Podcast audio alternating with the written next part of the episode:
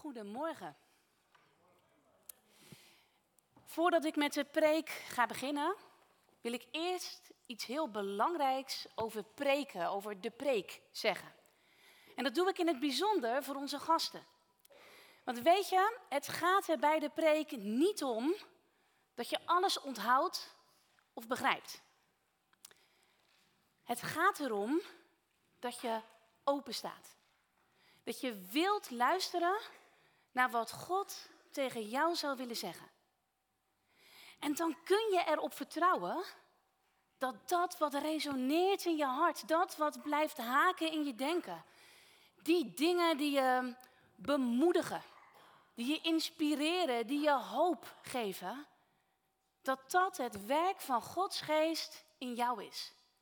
En dat dat de woorden van God voor jou zijn vanmorgen. En ik ga straks eerst uit de Bijbel lezen en daarna ga ik er echt van alles over vertellen. In welke tijd deze woorden eigenlijk zijn uitgesproken, wat het toen betekende en hoe deze eeuwenoude woorden nog steeds actueel zijn en tot ons spreken vandaag. Ja? Dus laat het maar gewoon op je afkomen. Je hoeft niet alles te volgen, maar wat voor jou is, vertrouw me maar, dat komt echt binnen. Dat is het woord van God van jou. Want één ding weet je altijd zeker. Als het woord van God open gaat, dan spreekt God. Dus ontspan. Open je hart en luister maar gewoon. Want vanmorgen heb ik een prachtige boodschap van hoop. En de titel van de preek van morgen komt letterlijk uit de tekst en is Gevangenen van hoop. Ja, hij staat al op de beamer. Alleen in de NBV 21 vertaling die wij lezen staat dit net iets anders vertaald. Maar in, in het origineel, in het Hebreeuws, staat echt letterlijk gevangenen van hoop. Dus ik lees gewoon wat er staat in de NBV 21 en dan voeg ik dat zinnetje, het origineel, eraan toe. Dat zie je vanzelf. Je kunt meelezen op de beamer. En ik lees met jullie vanmorgen uit Zacharia 9, vers 9 tot en met 12. Juich, vrouwen Sion, Jeruzalem. Schreeuw het uit van vreugde. Je koning is in aantocht, bekleed met gerechtigheid en zegen. Nederig komt hij aanrijden op een ezel, op het hengstveulen, het jong van een ezelin. Ik zal de strijdwagens uit Ephraim verjagen en de paarden uit Jeruzalem. De oorlogsboog wordt gebroken. Hij zal vrede stichten tussen de volken en zijn heerschappij strekt zich uit van zee tot zee, van de rivier tot aan de einde der aarde. Want Sion, omwille van mijn verbond met jou, met offerbloed bekrachtigd, zal ik de gevangenen vrijlaten uit de put zonder water. Keer terug naar de burcht, gevangenen, gevangenen van hoop. Jullie hoop is niet vergeefs geweest, want ook nu geldt de toezegging aan Sion: ik zal je dubbel schadeloos stellen. Lieve mensen, vanmorgen is het eerste advent. Dat is de eerste zondag van het kerkelijk jaar. En door de eeuwen heen vieren christenen een heel jaar rond de liefde van God in Jezus. En dat kerkelijk jaar dat begint dus vandaag bij Advent. En dat is een voorbereidingstijd op kerst. En Advent, dat, dat komt van het Latijnse woord adventus, wat komst betekent. Het is een periode die gaat over de verwachting van Jezus' geboorte, inderdaad, het toeleven naar kerst. Maar het gaat ook over het hoopvol uitzien naar de wederkomst. En ik, ik weet niet hoe het met jullie is vanmorgen. Misschien komt het omdat ik gewoon ouder word. Maar wat ben ik dit jaar toe aan advent? Aan hoop. Want als ik het nieuws kijk, voel ik me soms zo hopeloos. Zo machteloos.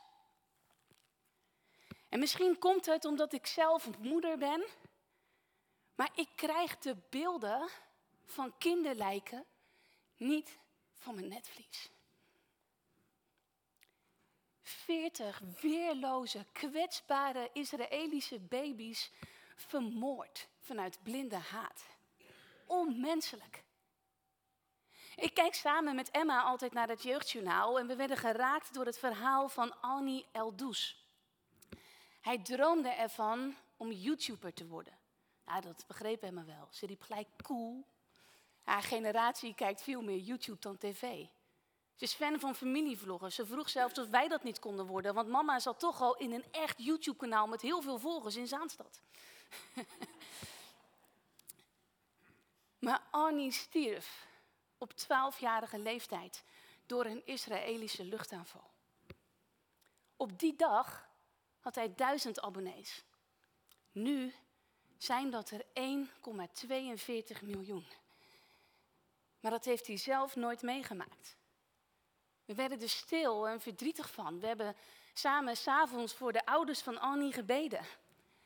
Maar Annie is slechts één van de inmiddels 5300 Palestijnse kinderen die door het geweld zijn gestorven.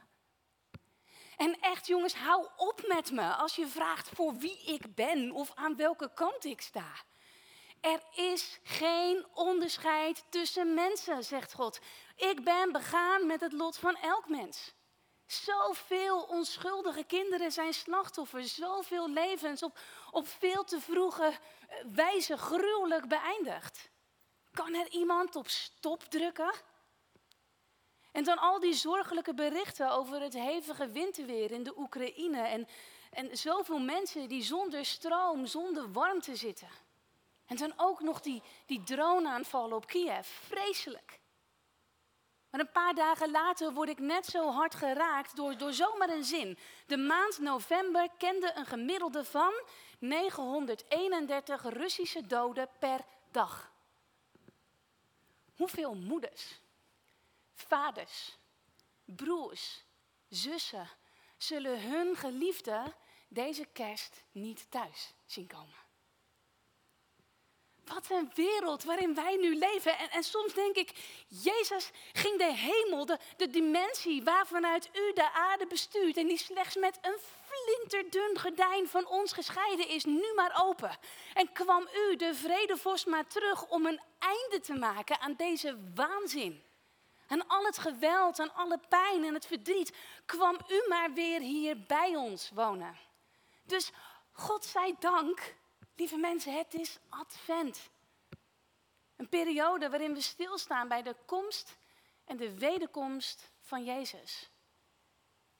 En vanmorgen worden we uitgenodigd in de wereld in de tijd van de profeten en luisteren we naar wat God door hen tot ons te zeggen heeft vandaag. De profetieën van Zacharia die, die werden uitgesproken in een periode dat het volk Israël uit ballingschap in Babylon terugkeerde in Jeruzalem. En dat is echt, dat is een hele belangrijke gebeurtenis.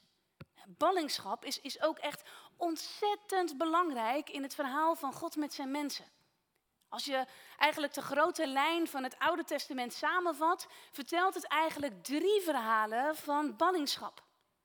En onze teksten vandaag gaan over de derde ballingschap in het Oude Testament. En die bestaat eigenlijk uit twee delen. Eerst werd, Israël, het tienstammenrijk, weggevoerd door het Assyrische Rijk.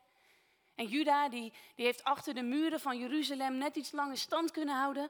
Maar uiteindelijk kwamen de Babyloniërs onder leiding van koning Nebukadnezar. En in 586 voor Christus werd ook Juda weggevoerd. Ze werden als een kleine minderheid opgeslokt door een grote, machtige meerderheid. Opgeslokt zou je kunnen zeggen als Jona in de vis. Er zou eigenlijk niets van hen over moeten blijven. Israël en Juda, ze waren volledig van de kaart geveegd. Het is echt een absoluut godswonder dat het volk Israël als het volk van God bleef bestaan en terugkeerde naar hun land. Het was een enorm indrukwekkende, belangrijke gebeurtenis. En zoals Wilma een, een tijd terug, volgens mij was het advent vorig jaar, eh, liet zien vanuit Jeremia dat, dat het volk van God instructies kreeg over hoe ze moesten leven eh, nu ze in ballingschap zijn. Ze liet ons zien vanuit Jeremia dat God zei: Jongens, dit, dit gaat wel even duren. Dus bouw huizen en ga daarin wonen. Leg tuinen aan en eet van de opbrengst. Ga huwelijken aan en verwek zonen en dochters. Jullie moeten in aantal toenemen, niet afnemen. En bid tot de Heer voor de stad waarheen je weggevoerd wordt. En zet je in voor haar bloei. Want God geeft om de stad. Altijd, overal is God begaan met het lot van alle mensen. Zijn plan was vanaf het begin om alle volken te zegenen. En ook in ballingschap krijgt Israël de taak: wees tot zegen. En persoonlijk vind ik het Bijbelboek Daniel zo tekenend voor het uitleven van deze woorden, maar ook voor de situatie van het volk. Als Daniel met zijn vrienden Ganania, Misaël en Azoria aankomen in Babel, worden zij direct als knappe en, en slimme mannen met veel potentie geselecteerd voor leiderschapsposities in het Babylonische Rijk. Ze werden opgeleid in de taal en de geschriften van de Galdeeën, staat er. Dat is een Semitisch volk uit de oudheid, uit de woestijn. Magiërs, oftewel sterrenkundigen. Je weet misschien nog wel dat Abraham kwam uit Ur der Galdeeën. En nu zijn de nakomelingen van Abraham naar de belofte die God hem deed bij de sterren hier in Babylon. En leren zij van en met hen. En vanaf het begin nemen zij een heel moedig besluit. Ze kiezen ervoor om hun unieke identiteit als het volk van God vast te houden, ook al zijn ze nu in een vreemd land. Ze willen staande blijven als minderheid zich niet laten opslokken door de gebruiken, ideeën en manieren van de wereld om hen heen, maar een getuigenis zijn. Als het apart gezette volk van God. Trouw zijn aan God en wat Hij hen heeft geleerd. Oh, nooit eerder waren de instructies uit Deuteronomium zo van levensbelang voor de Joden als nu. Ze willen het verhaal van, van God met zijn volk blijven vertellen aan elkaar en aan hun kinderen. Thuis en onderweg. Als ze naar bed gaan en als ze opstaan. Het als een teken om hun arm dragen, als een band om hun voorhoofd, om symbolen aan te brengen in hun huis, zodat ze het niet vergeten. En ze doen dit alles terwijl ze zich nederig en vol toewijding inzetten voor de bloei van Babylon. Hun keuze en hun eigenaardige levenshouding, zo anders dan de Babylonische wereld om hen heen, levert hen ook vijanden op. Het bijzonder is, nergens, lees het thuis maar na, nergens vragen ze credits voor zichzelf. Ze veroordelen niemand. Ze wreken zich nooit op hun vijanden. Daniel pleit zelfs voor hen. Ze protesteren ook niet tegen het bevel van Nebukadnezar om voor zijn eigen beeld te knielen. Ze doen het eenvoudigweg gewoon niet. En ze geven dan respectvol hun getuigenis zonder zichzelf te verdedigen. Wij vinden het niet nodig uw vraag te beantwoorden. God kan ons redden, maar ook al doet hij dat niet, wij zullen niet buigen.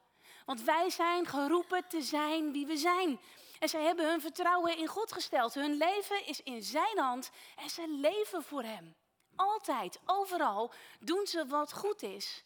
En wijzen ze op hun God die verlost, die redt en die alle eer toekomt. Vele jaren later komen rond kerst magiërs uit het oosten die de ster van de koning der Joden hebben gezien. Zou het komen door dromen uitleggen Daniel en zijn vrienden. Zouden zij daar de profetie van de Messias, de koning der Joden, hebben gezaaid, die door de Galdeeën ergens is opgetekend in een van hun boekrollen, tot ze generaties later zich ineens lam schrokken toen ze zijn ster zagen? Hoe dan ook, je moet begrijpen dat, dat die periode van ballingschap traumatisch was maar ook ontzettend belangrijk en een hele vormende periode was. Maar na meer dan 40 jaar wachten in ballingschap stuurde God een koning. En dat was de Perzische koning Cyrus, die het besluit nam in 538 voor Christus om de Joden terug te laten keren naar Jeruzalem. En in de profeten lezen we daarover. Gedeelte van het volk, bijna 50.000 Joden, keerde terug. En daarmee ging Gods belofte in vervulling dat het volk terug mocht keren naar hun eigen land als ze spijt hadden en, en hem weer opnieuw met, met heel hun hart oprecht wilden dienen. En degenen die teruggingen, die, ja, die, die hebben onderweg gezongen, gedanst, vol verlangen uitgezien naar hun terugkeer. Eindelijk was het zover. Hoop brandde in hun hart. Een nieuwe toekomst wenkte. En toen kwamen ze eindelijk thuis. En wat denk je? Het was één dorre, verwoeste ellende. De heilige plaatsen zijn een woestijn geworden. De luisterrijke tempel waar hun voorouders God vereerden, was ten prooi gevallen aan het vuur. En nu slechts een zwart geblakerde ruïne. De stadsmuren liggen in puin. Vreemdelingen zijn in hun land gaan wonen. Ze werden bedreigd. Ze waren nog altijd niet vrij. En de taak om, Jeruzalem en de tempel te herbouwen was overweldigend. Het leek hopeloos. De toekomst zo onzeker. En ze waren onder leiding van Esra wel begonnen met de wederopbouw van de tempel, maar al snel werden ze op lasten van de Perzische koning Artaxerxes gedwongen om hun werk te staken. Bergen ellende stonden voor hen. Het was gewoon hopeloos. En een gebed wat je qua diepte nu misschien veel beter kunt plaatsen, klinkt op uit Jesaja 64. Scheurde u maar de hemel open om af te dalen. Voor uw aanschijn zouden bergen smelten. Ze verlangden naar de dagen van weleer uit de verhalen die ze niet zelf hadden meegemaakt, maar wat hun verhaal hun leven lang vormde en bepaalde. Dat God zelf in hun midden aanwezig zou zijn. De machtige, de ene die de vijanden versloeg. Die met zijn nabijheid het vuur en energie aan het volk zou geven. Eh, waardoor de bergen van weerstand en verzet zouden smelten. En dan zou de wederopbouw lukken. En dan zou iedereen weten dat zij het volk van de ene God waren. En in deze woorden van Jezaja, scheurde u maar de hemel open om af te dalen, klinkt een echo door uit de tweede ballingschap. En die echo horen we ook in onze eigen tekst in Zacharia, die daar heel bewust op wijst. Zacharia zegt, God zegt, omwille van mijn verbond met offerbloed bekrachtigd, zal ik de gevangenen vrijlaten uit de put zonder water. Omwille van mijn verbond met offerbloed bekrachtigd, dat verwijst naar het verhaal van de tweede ballingschap. De tweede ballingschap in het Oude Testament, die was dus eerder. Ehm, dat was toen het volk Israël in Egypte door Farao gevangen werd gehouden. Ze waren daar als slaven zonder hoop en zonder toekomst. Maar in Exodus 3, vers 7 lezen we dat de Heer zei: Ik heb gezien hoe ellendig mijn volk er in Egypte aan toe is. Ik heb hun jammerklachten over hun onderdrukkers gehoord. Ik weet hoe zij lijden. Daarom ben ik afgedaald om hen uit de macht van de Egyptenaren te bevrijden. Snap je nu de woordkeuze van het gebed van Jezaja? Och, scheurde u maar de hemel open om af te dalen, want ze weten hoe het eruit ziet als God afdaalt uit de hemel. Farao dacht dat hij met de goden aan zijn kant wel kon armpje drukken met Mozes en zijn vreemde God. No way. De ene had, had hen door zijn machtige hand bevrijd en Farao en zijn ruiters verslagen. Hun God, de Waymaker, had de Rode Zee doen wijken, had hen bevrijd, had een nieuw verbond met hen gesloten. En, en Mozes die, die besprenkelde het volk met het bloed van het vredeoffer tot de God die hen vrede had gebracht en zei, met dit bloed wordt het verbond bekrachtigd dat de Heer met u heeft gesloten. God was nu hun God. En zij waren zijn volk. In liefde met elkaar verbonden voor altijd. En lieve mensen, Zacharia, dat, dat is een man van God. Zijn naam, Zacharia, betekent God onthoudt. De Heer herinnert. En hij weet dat dit zo is. Wij zijn het volk van God. En Hij, de ene God, heeft zich aan ons verbonden. En Hij houdt onverminderd en onvoorwaardelijk van ons. Hij doet altijd wat Hij belooft. En Zacharia wil de mensen moed inspreken. Dus hij zegt, luister goed, deze God belooft, ik zal de gevangenen vrijlaten uit de put zonder water. En als wij dat nu lezen, dan denken we, nou ja, dat klinkt best oké, het zal wel. Maar elke Jood hapt naar adem, omdat zij weten waar dit verhaal over gaat. Gevangen in de put zonder water, dat verwijst naar het verhaal van Jozef. Hij was het slachtoffer van de zonde van zijn broers. En hij werd in een waterloze put gegooid waar hij met geen mogelijkheid uit kon ontsnappen. En hij werd als slaaf naar een vreemd land weggevoerd waar de Heer hem terzijde stond. Maar ook daar werd hij opnieuw slachtoffer van de zonde van een ander en belandde hij in de gevangenis, zeg maar opnieuw een waterloze put. Maar ook daar stond de Heer hem terzijde, terwijl Jozef ervoor koos om zich in te blijven zetten voor het welzijn van de ander en goed bleef doen. Hij legde met Gods hulp de dromen van de schenker en de bakker uit. En de schenker beloofde om een goed woordje voor hem te doen bij de farao, maar vervolgens is hij dat twee jaar lang vergeten. Maar dat was niet het einde van het verhaal van Jozef. Want God was Jozef niet vergeten. God was zelf achter de schermen aan het werk en, en heeft al het kwade ten goede gekeerd. Hij heeft een weg gemaakt. Hem in eer en in aanzien hersteld. Hem dubbel schadeloos gesteld. Hij werd onderkoning in dat machtige rijk. God heeft hem rijk gezegend. En God heeft zelfs hem gebruikt om zijn broers, die op dat moment in hun eigen waterloze put waren beland, ook te bevrijden. En om de toekomst van het volk van God veilig te stellen. Dus Zacharia zegt hier, mensen, luister, de God van Jozef is onze God en hij belooft voor ons hetzelfde te doen. Zacharia brengt de mensen in herinnering dat het geen abstract, vaag verhaal is van, van God en zijn volk. En dat we in zoveel individuele verhalen opnieuw en opnieuw deze God in actie zien. Een God die omziet. Een God die hoort. Een God die, die afdaalt, die vrijmaakt en die altijd achter de schermen doorwerkt, terwijl wij er soms niets van merken of van ervaren, maar die altijd doorwerkt en een weg maakt daar waar het dood loopt. Abraham en Sarah waren hoogbejaard vastgelopen in hun roeping door hun onvruchtbaarheid. Maar God bracht Isaac.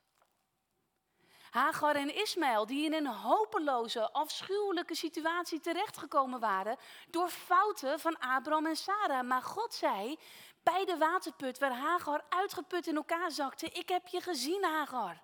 Ik heb je gehoord Ismaël. En God was afgedaald. Hij stuurde een engel die hen had gezegend. Hij heeft hen dubbel schadeloos gesteld en rijk gezegend en uit de hopeloze situatie bevrijd. En het volk Israël heeft chronieken vol met verhalen over hoe God steeds opnieuw genadig is, zich over hen ontfermt en hen redden uit talloze waterloze putten. En Zacharia weet dit. Alleen al hun bestaan op dit moment, het feit dat ze nu hier zijn, is overduidelijk een teken dat God hen, als Jona uit de vis, weer aan land heeft gebracht. De weemaker heeft opnieuw een weg gemaakt.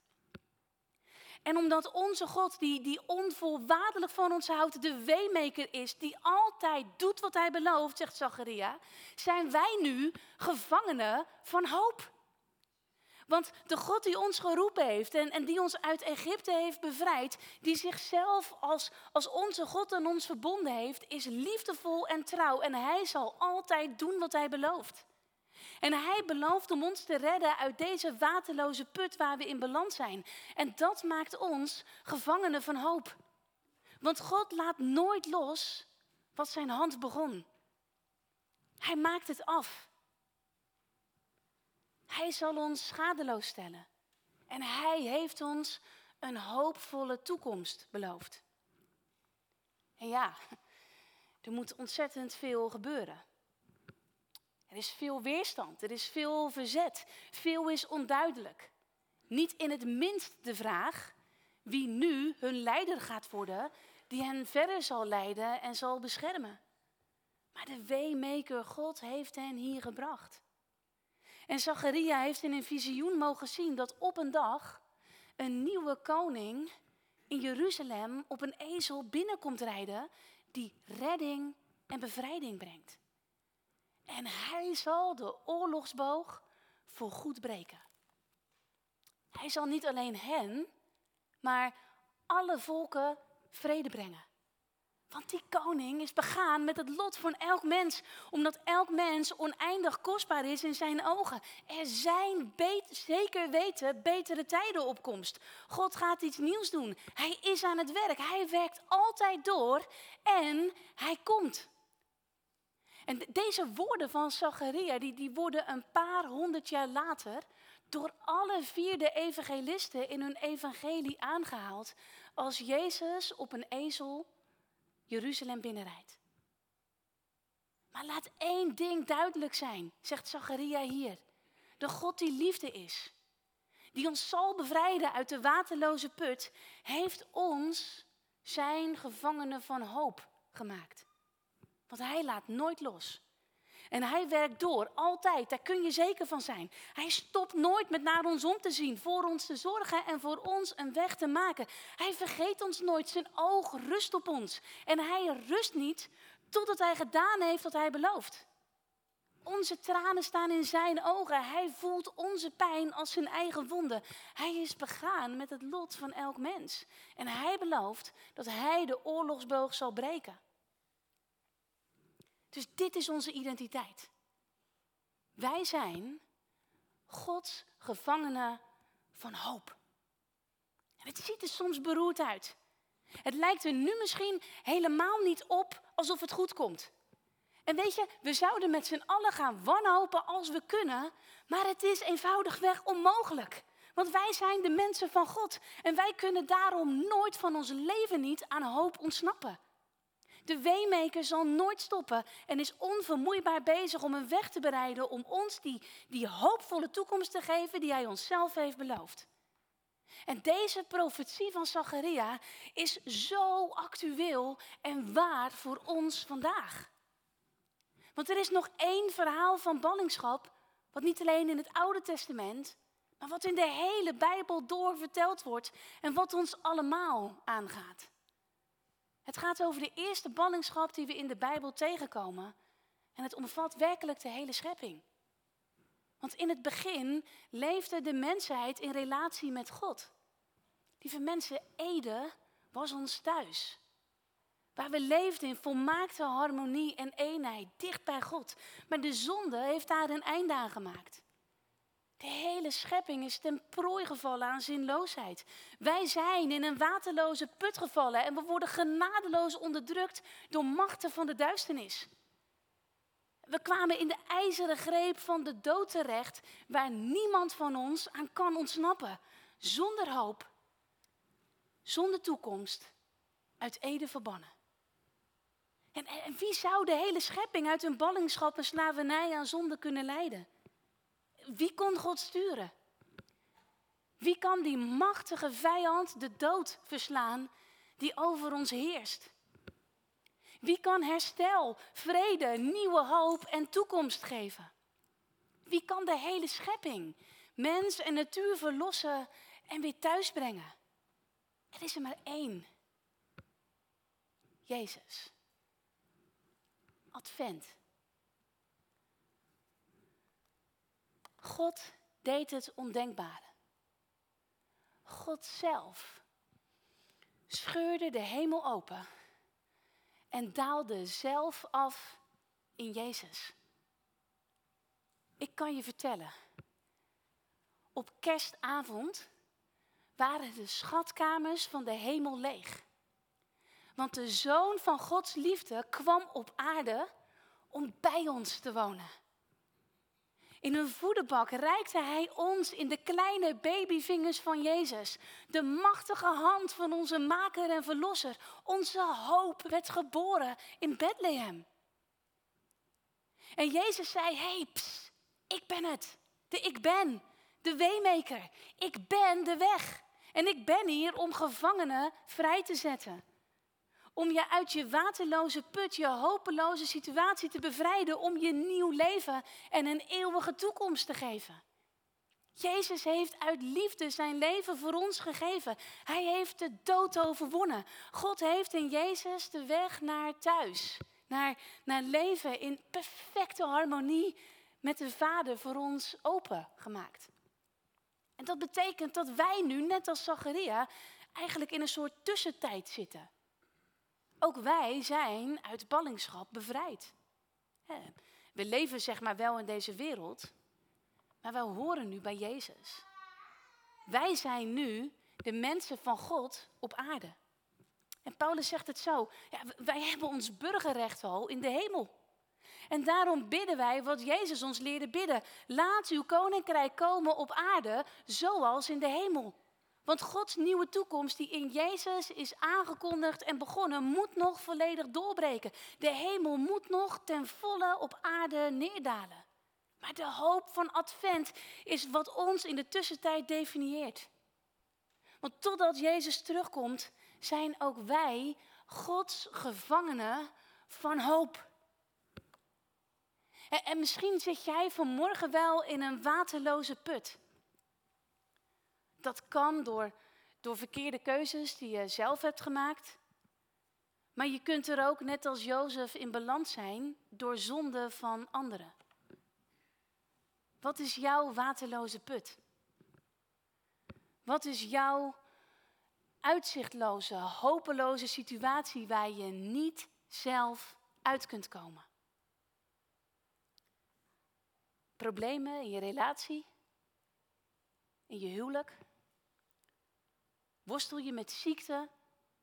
Met je gezondheid, depressie, verlies? Of heb je geen idee hoe je je rekeningen moet betalen? Worstel je om rond te komen? Of, of is je geweld aangedaan? Ben je slachtoffer van onrecht? Word je vals beschuldigd? Zit je ergens klem op wat voor manier dan ook? Word je onder druk gezet? Of, of kijk je om je heen en weet je gewoon even niet meer hoe het nu verder moet? Laat de boodschap van Zacharia vanmorgen je hart dan vullen met hoop. Want God ziet naar ons om. Hij kent niet alleen jouw verhaal, hij is in jouw verhaal aan het werk.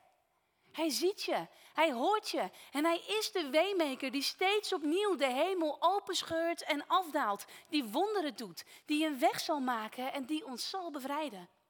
Dus hoe diep de put ook lijkt, weet dat je nooit dichter bij de bron kunt zijn dan op de bodem van een put. Hij is bij je. En die situatie kan uitzichtloos lijken. En het kan soms ook best wel even duren, net als bij Jozef. Soms zie je gewoon echt niet dat God aan het werk is. En er kunnen ook momenten zijn dat je zijn nabijheid, zijn nabijheid misschien even niet ervaart. Het kan in deze wereld waarin wij leven zo donker zijn dat je je afvraagt of je ogen eigenlijk wel open zijn. Maar weet dat de duisternis ons nooit voor God kan verstoppen. De duisternis is als licht voor mij, zegt God. Ik zie je. Ik ben bij je. Ik sta je terzijde en hij is aan het werk. Hij doet wat hij belooft. Hij zal je bevrijden. Hij zal je heel maken. Hij zal opnieuw en opnieuw een weg maken. Want onze God rust nooit totdat hij kan zeggen: Ik zie dat het goed is. En daarom, wat het ook is wat er op ons afkomt. Hoe beroerd en hoe zwart het er ook uitziet al breekt ons hart als we naar het journaal kijken. Er is één ding wat wij als de mensen van Jezus niet kunnen. En dat is toegeven aan wanhoop. Want wij zijn Jezus gevangenen van hoop. En dat maakt ons vandaag, net als Daniel en zijn vrienden, Mensen met een unieke identiteit en roeping in een wereld die niet de onze is. Wij zijn geroepen in Christus om als zijn nieuwe scheppingen vol hoop, als, als getuigenissen van hoop, als, tekeningen, als tekenen van hoop in deze wereld te zijn. Om ons in te zetten voor de bloei van deze wereld die we net als, als God koesteren en liefhebben, omdat we net als God begaan zijn met het lot van werkelijk elk mens. En het maakt echt niet uit wie de meerderheid in onze regering vormt. Want wij zijn sowieso de minderheidsmensen van Jezus. Die zich niet laten opslokken door ideeën en gebruiken van de meerderheid. Maar die door de geest geleid leven. Vanuit de hoop van Gods nieuwe wereld die zal komen. Lieve mensen, laten ook wij als gemeente besluiten het, het moedige besluit nemen, net als Daniel en zijn vrienden. Om de verhalen van, van hoe God de weemaker is in onze levens aan elkaar te blijven vertellen.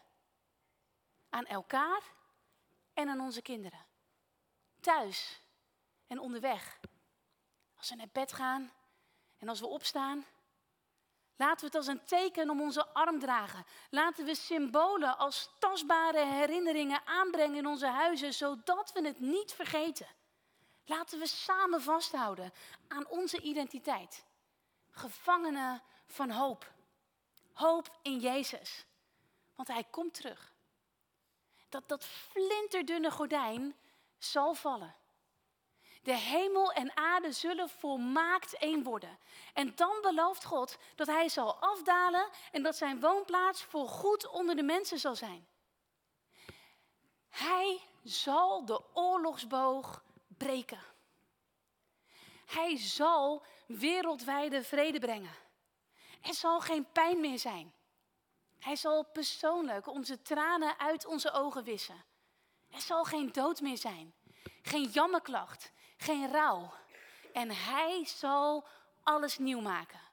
Oh, Heer Jezus, kom. Amen.